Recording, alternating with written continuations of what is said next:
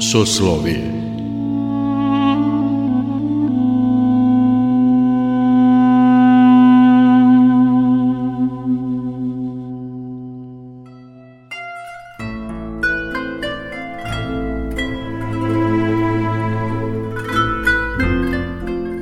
Slušate Soslovije, religijski nedeljnik Radio Novog Sada. Dobrodošlicu vam želi Mirjana Ranković. U susret Vaskršnjem postu koji počinje 7. marta o pripremnim nedeljama Velikog posta razgovarali smo sa ocem Branislavom Đuragićem. Naša sveta crkva, znajući da prosto čovek, svaki hrišćanin u stvari, ne može tek odjedan put da uđe u tu posnu atmosferu, kako to lepo otac Aleksandar Šmeman objašnjava u svojoj knjizi Veliki post i upravo zato, znajući tu potrebu čoveka da se pripremi za neki veliki događaj, a veliki post jeste jedan veliki događaj u životu nekoga ko želi da vodi hrišćanski život. I upravo iz tog razloga pet nedelja prethodnih smo se pripremali – To jest, evanđelski odeljci su drugačiji nego li u obične druge dane, odnosno u obične vas nedelje kada se proslavlja vaskrsenje. I svaka od tih nedelja ima neku svoju temu, neku, da kažem, na neki način da probudi u nama to raspoloženje u kojem treba da provedemo 40 dana, ako tako to možemo da poredimo, kao jedno lutanje po pustinji jevrejskog naroda dok nisu stigli u obećanu zemlju, tako i mi, da kažem, 40 dana prelazimo preko svoje savesti i svoje duše pokušavajući da malo očistimo sebe od svega onoga što smo sakupili, živići u ovom savremenom svetu, u ovom društvu gde razno razne informacije stižu do nas i koliko nas dotiču, koliko ne prave u stvari stižu do našega srca. I upravo zbog toga ta prva pripremna nedelja pred Veliki post je pripremna nedelja koja govori o Zaheju o jednom cariniku, koji je imao ogromnu želju da vidi Hrista.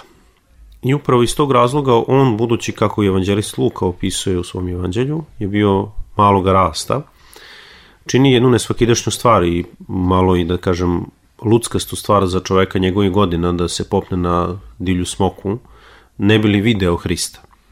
I Hristos prolazeći pored te smokve stane ispred nje i kaže Zakeju siđi brzo dole jer mi danas valja biti dom u tvome.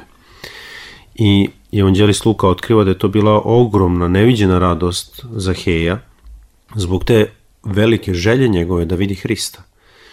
I naravno, sve što je Hristos čini uvek je nilazi u neku osudu. Njegovi su narodnika, posebno oni koji su se ubrajali kao veliki poznavaoce zakona, I oni odmah su krenuli da negoduju zbog toga što je ušao kod grešnog čoveka.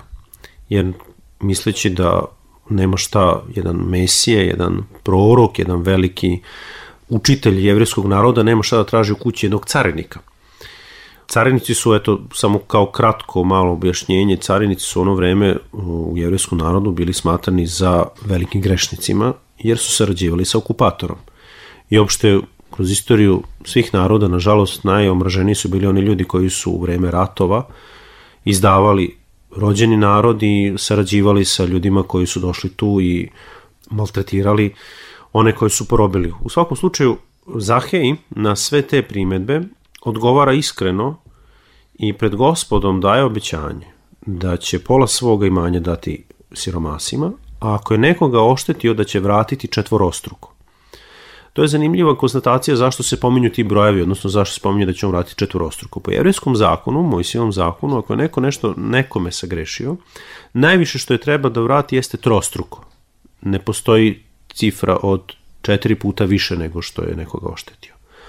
A Zahije ovde pokazujući stvari tu veliku želju i taj osjećaj koji on imao zbog toga što je Hristos došao u njegov dom, u stvari što je došao u njegovo srce, on vraća sve ono što je skrivio, a puno toga jeste skrivio, on je svestan i toga kao starešina carinika, dakle carinici su uzimali porez, uzimali su i više nego što je trebalo, u stvari za sebe, a neko ko je bio njihov starešina, koliko je tek on mogao da profitira, da tako kažem, u nekom savremenom smislu ovaj, izrečeno.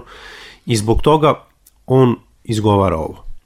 Ono što je u predanju crkve sačuvano jeste da Zahej poste jeste postao iskreni hrišćanin i bio episkop crkve, čak i mučenički stradao. Dakle, Hristos na tu primetbu svih prisutnih odgovara da je ovo sin Avramov i da u stvari on kao sin Boži je došao u stvari upravo kod onih čije je srce spremno da primi gospoda. I u stvari ta nedelja je, da kažem, reč je o želji. Našoj želji koja treba da se probudi, koja treba da nas pokrene, kao na primjer kada bismo danas nekoga želeli žarko da vidimo, neku poznatu ličnost i ljudi su u stanju da provede sat, provedu sate i sate, dane, čekajući da kupe kartu za koncert neke poznate grupe ili da se sretnu sa tom nekom ličnošću, e isto tako mi kao hrišćani, ako sebe tako nazivamo, imamo najveću želju, a to je da samoga Hrista primimo svoje srce i upravo odatle počinje sve, od želje za Hristom, za postom, za molitvom. Tako da ta prva nedelja je na neki način onako osjećaj koji treba da probudimo u sebi. Sledeća nedelja koja govori isto evanđelski događaj, evanđelska priča o Mitaru i Fariseju.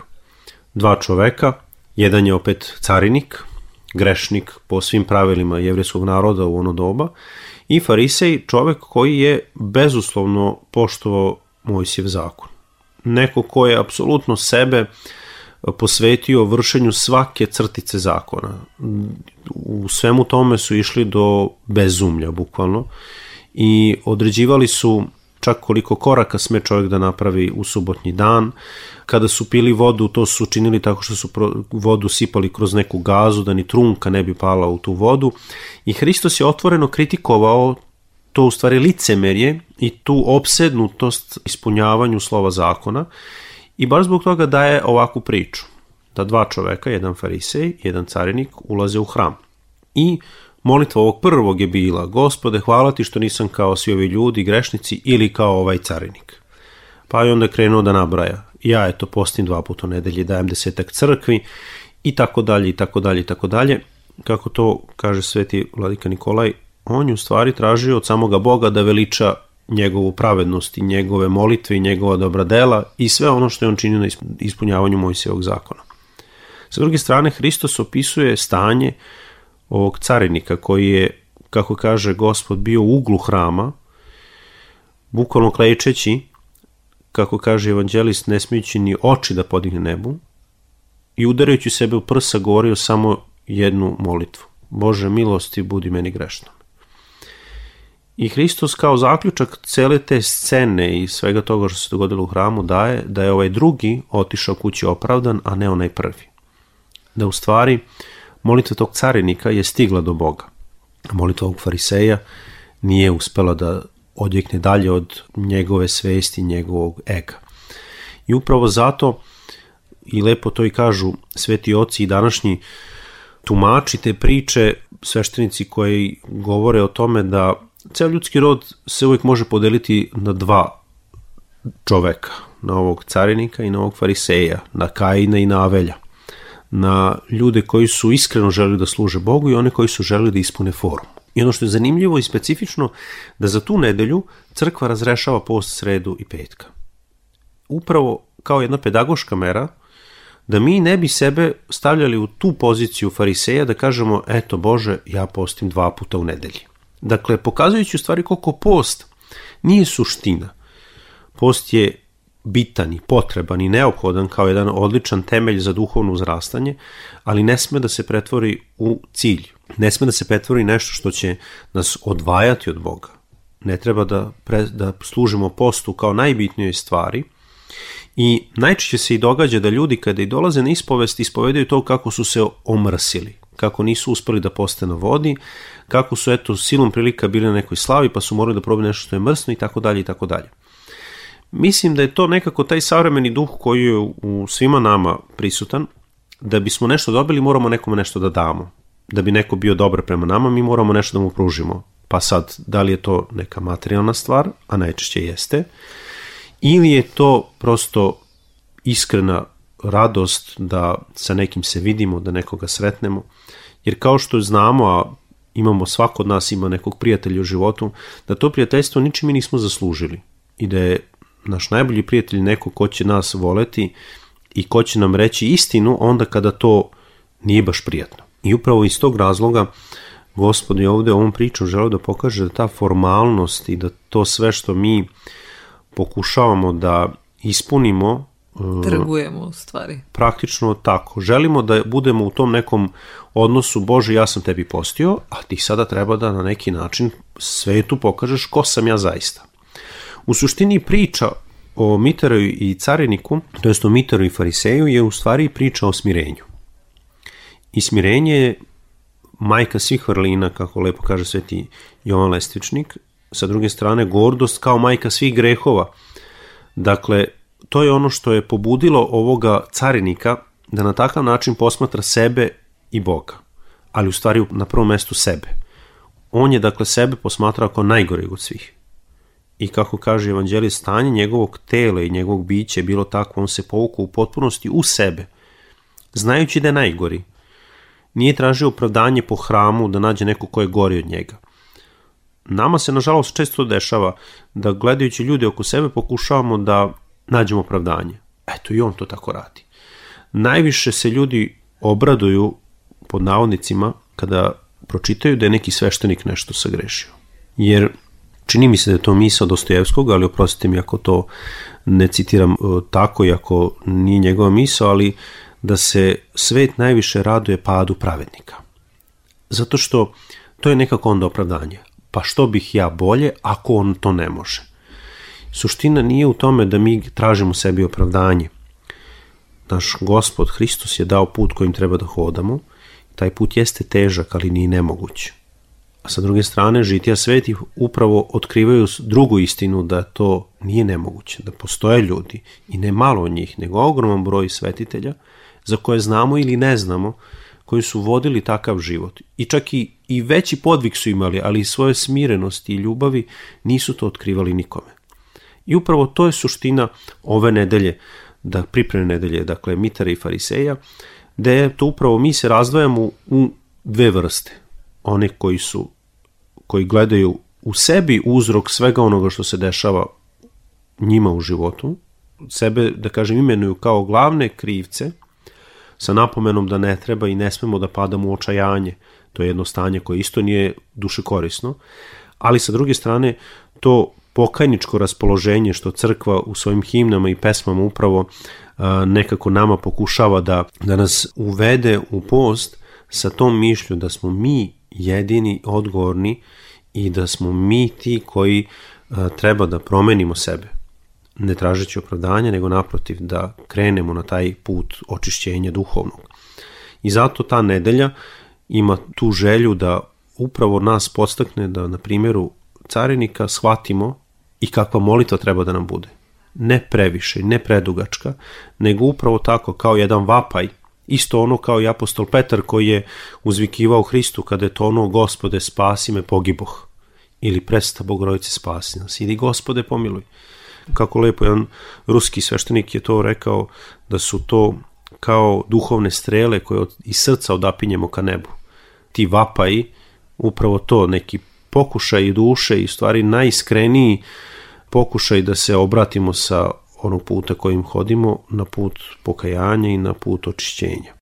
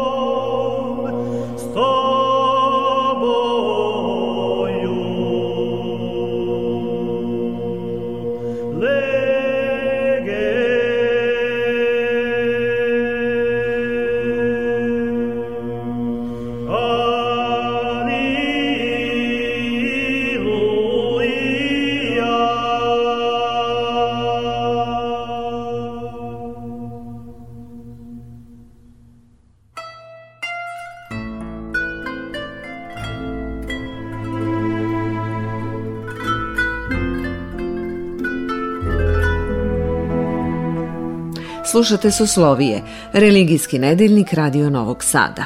Tema večerašnje emisije su pripremne nedelje u oči Velikog posta. Čuli smo od oca Branislava Đuragića čemu nas uče nedelje o Zakheju, Imitaru i Fariseju. Mesopusna i siropusna nedelja takođe imaju poruke za nas, kaže otac Branislav Đuragić.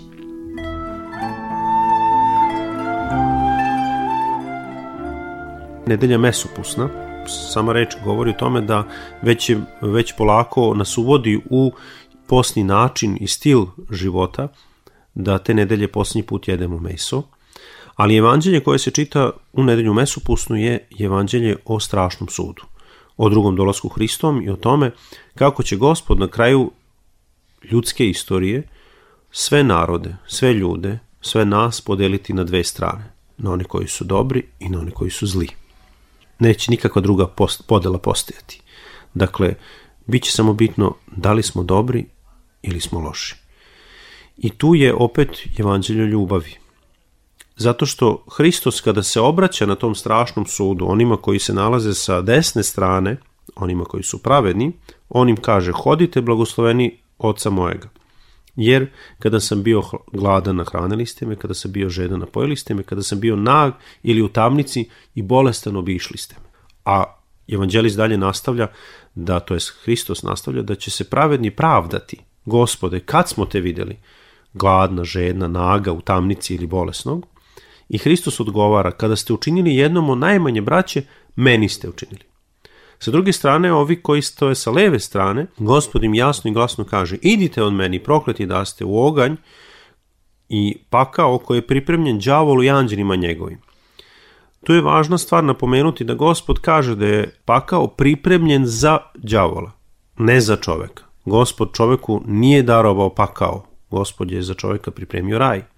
Ali ti ljudi, kako gospod dalje nastavlja, nisu bili u stanju nikoga ni da obiđu, ni da napoje, ni da odenu, niti da imaju bilo kakvu empatiju sa nekim i samim tim sebe su isključili iz te ljubavi koja je u stvari Bog. I zato im kaže, idite od mene, jer ja sam za vas pripremio raj, ali vi niste bili u stanju da pokažete ljubav ni prema kome. Jer kaže gospod, kada ste pomogli ili kad niste učinili onom najmanjem, dakle svakom čoveku, niste učinili ni meni. I poenta upravo tog evanđelja jeste ljubav. Ljubav koja nas pokreće da činimo dobro, ne nadajući se da ćemo dobiti neku nagradu za to ili neku, neko priznanje, nego naprotiv da nam podari blagoslov koji ćemo primiti tek na kraju ljudske istorije. I to jeste najveći problem nama hrišćanima što mi gledajući svet oko nas shvatamo i vidimo da ljudi dobiju neka priznanja u životu.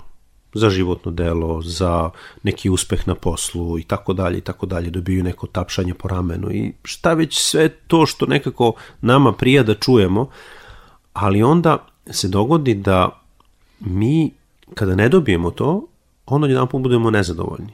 Odnosno naša, naš ego ostane nenahranjen i onda smo mi padamo u očajanje, padamo u neko samosažaljenje i sve ono što u stvari vuče čoveka ka jednom potpunom isključenju od bližnjih i upravo to, nisam ja centar sveta, nego neko drugi. Gospod ovde, govoreći kroz evanđeliste i govoreći u stvari vekovima kroz sve te ljude, pokušao da nam upravo pokaže da nije suština našega života da služimo sebi, nego da služimo drugima. I da kada služimo drugima, u stvari onda služimo gospoda, u stvari služimo onda i sebi, onda sebi obezbeđujemo mesto pored njega u njegovom carstvu, koje je carstvo ljubavi, koje je carstvo davanja, a nagradu za to dobijamo tek tada. I to jeste u stvari suština i podviga. Kad dobijamo nagradu odmah, onda nekako, kako kaže se u evanđelju, primili smo platu svoju. Kada malo treba da sačekamo i da se prepustimo veri i nadi, tu je ono mesto gde se pokazuje koliko smo mi u stanju i spremni da to činimo iskreno, bez neke potajne želje za nagradom, što isto može biti jedna vrsta prikrivene gordosti, a često i padamo u tu, tu zamku, da mislimo da smo mi čineći to dobro, e Bože, ja sam danas sabrao sebi neki zlatnik i to ćeš ti tamo da meni da vratiš i da me proslaviš pred svima i tako dalje i tako dalje.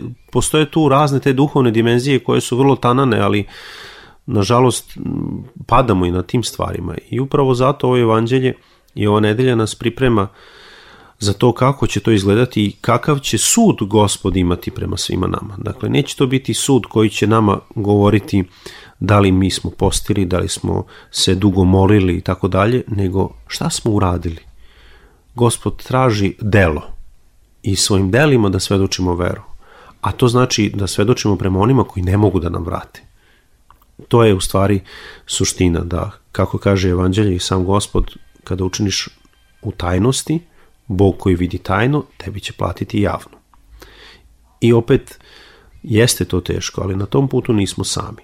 Na kraju, ta siropusna sedmica, posljednja nedelja, koja je, ako Bog da sada polako, ovaj, u stvari počinje, nedelja kada već ulazimo u post, ova nedelja je razrešena posta, ali isto tako sada, s obzirom da smo u mesopusnu prestali sa jedenjem mesa, sada se u stvari pripremamo za veliki post, budući da možemo da jedemo samo hranu koja je koja nije, odnosno sir, jaj i mleko su dozvoljeni, sreda i petak su razrešeni i bogosluženja u crkvi već dobijaju tu, da kažem, postnu notu i mi se pripremamo za početak velikoga posta, koji u nedelju uveče, posle oslužene službe, se u nekim hramovima služi i to praštalno večernje, kada se čita molitva za početak posta, da mi prosto kao svešteno služitelje, ali i sav verni narod, tražimo od gospoda upravo po tim rečima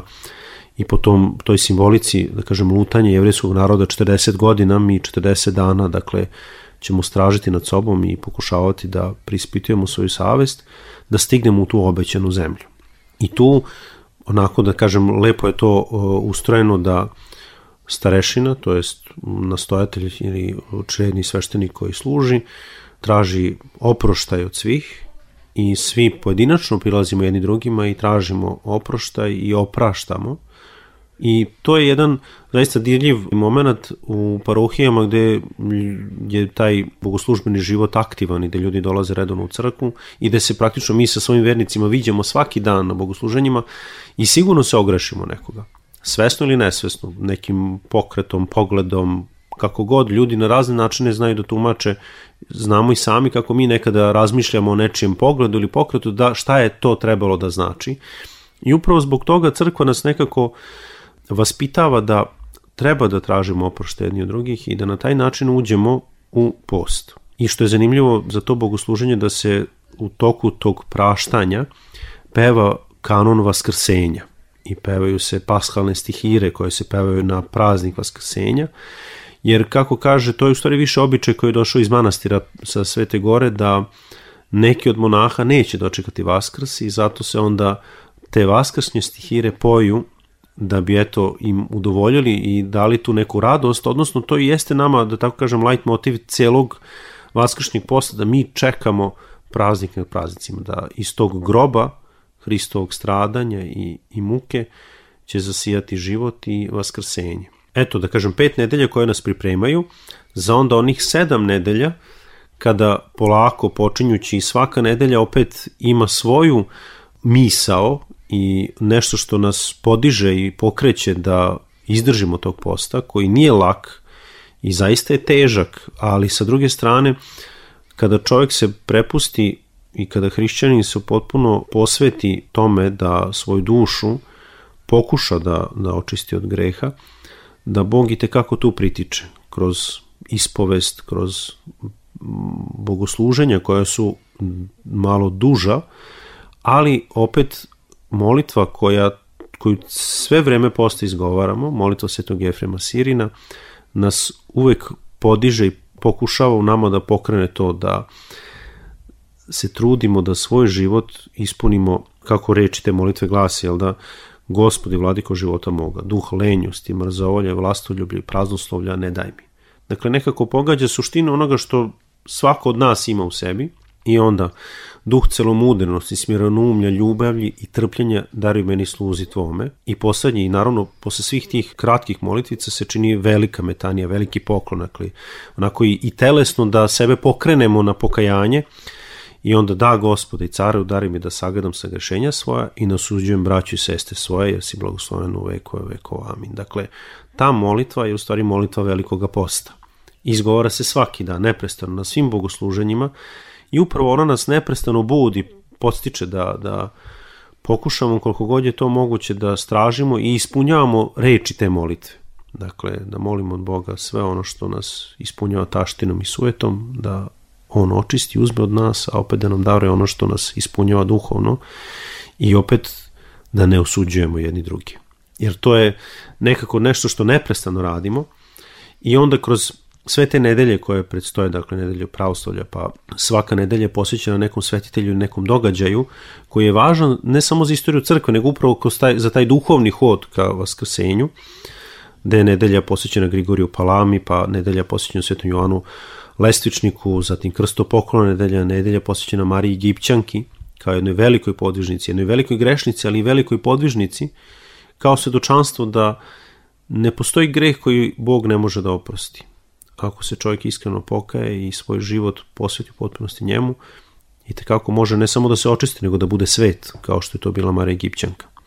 I onda polako, dakle, uvodit će nas u tu svetlost vaskrsenja, dočekujemo cvetnu nedelju, kada proslavljamo svečani ulazak Hristov u Jerusalim i to onda nas uvodi u tu strastnu sedmicu koja je potpuno različita i po svom bogoslužbenom toku od prethodnih nedelja, ali tu se već nazire vaskrsenje. Sa druge strane prolazimo sa Hristom svaki taj dan pred Golgotu, pred, pred njegovo hvatanje, pred njegovo izdajstvo, pred mučenje, pred, pred sve ono što će on pretrpeti radi nas i na kraju to raspeće koje je strašan i da kažemo onako sveukupno tragičan događaj za istoriju ljudskog roda, ali sa druge strane Hristos pokazuje upravo taj put smirenja kojim je on krenuo i daje nam putokaze, jasne putokaze kako i mi treba da hodamo i da na tom putu nikad nismo sami. I naravno ono zbog čega smo i krenuli na taj put jeste vaskrsenje, kao ispunjenje svih obećanja gospoda Boga, što u starom zavetu, što u novom zavetku, Hristos u stvari najavljuje i otkriva da njegova služba je u stvari bila takva da je trebao da dođe i da strada. Kao jagnje koje se u starom zavetu prinosilo na žrtvu za očišćenje od grehova, on se sada prinosi za sve. I on je posljednja, da kažem, krvna žrtva koja je prinesena u starom zavetu i u novom zavetu mi prosto primamo sve blagoslove, sve blagodati vaskrsenja Hristovog i svega onoga što je on nama ostavio kao duhovno, kao duhovno sredstva, kao duhovno oružje kojim se i borimo protiv vlasti ovoga sveta, to je protiv gospodara ovoga sveta, to je nečastivi i da na, u toj borbi nismo sami.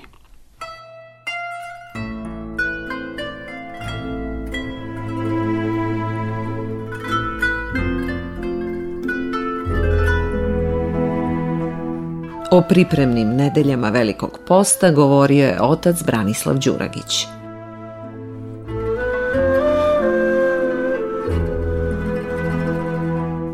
Soslovije realizovali ton majstor Milan Granić, urednik emisije Mirjana Ranković.